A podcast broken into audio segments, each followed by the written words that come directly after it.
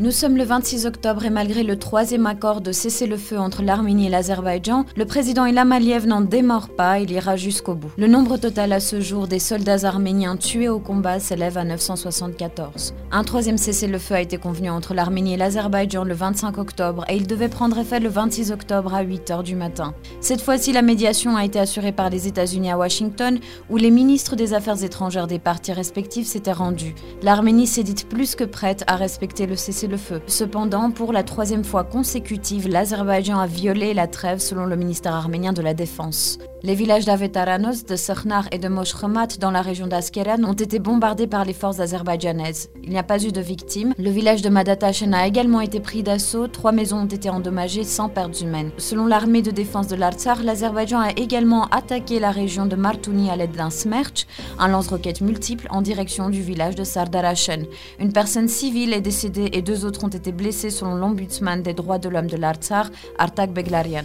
Les unités de l'armée de défense livrent une bataille défensive pour stopper les attaques des forces ennemies et les pousse à battre en retraite, a ajouté l'armée de défense. Du côté de l'Azerbaïdjan, le président Ilham Aliyev a déclaré le 26 octobre que si la communauté internationale veut le cessez-le-feu dans le Karabakh, elle doit mettre la pression sur l'Arménie pour que cette dernière retire ses troupes de la région. C'est seulement à cette condition qu'Ilham Aliyev cessera les hostilités.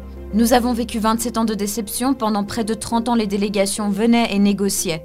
La patience de l'Azerbaïdjan a atteint ses limites. Le groupe de Minsk a été établi il y a 28 ans. Pendant tout ce temps, ils nous ont promis qu'ils mettraient la pression sur l'Arménie. Ce n'était qu'un mensonge, a déclaré Aliyev.